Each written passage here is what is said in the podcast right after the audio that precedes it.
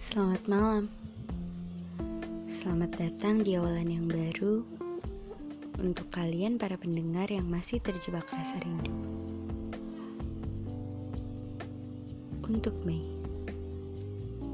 Apa pun yang terjadi dalam hari-hari ke depan, aku percaya itu adalah ketetapan yang harus aku jalani.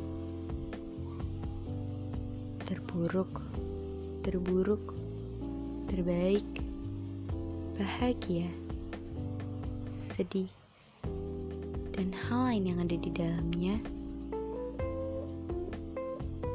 adalah yang membentuk diriku menjadi versi terbaikku nanti.